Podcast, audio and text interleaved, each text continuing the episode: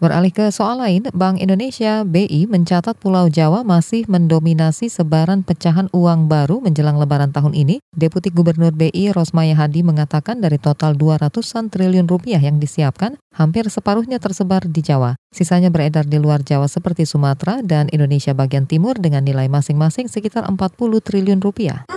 Kalau kita lihat 217,1 itu eh, bagaimana pembagian per wilayahnya ternyata Bapak Ibu sekalian itu banyak sekali di Jawa ya. Kalau kita lihat untuk Jawa non Jabodetabek itu semuanya 84 triliun.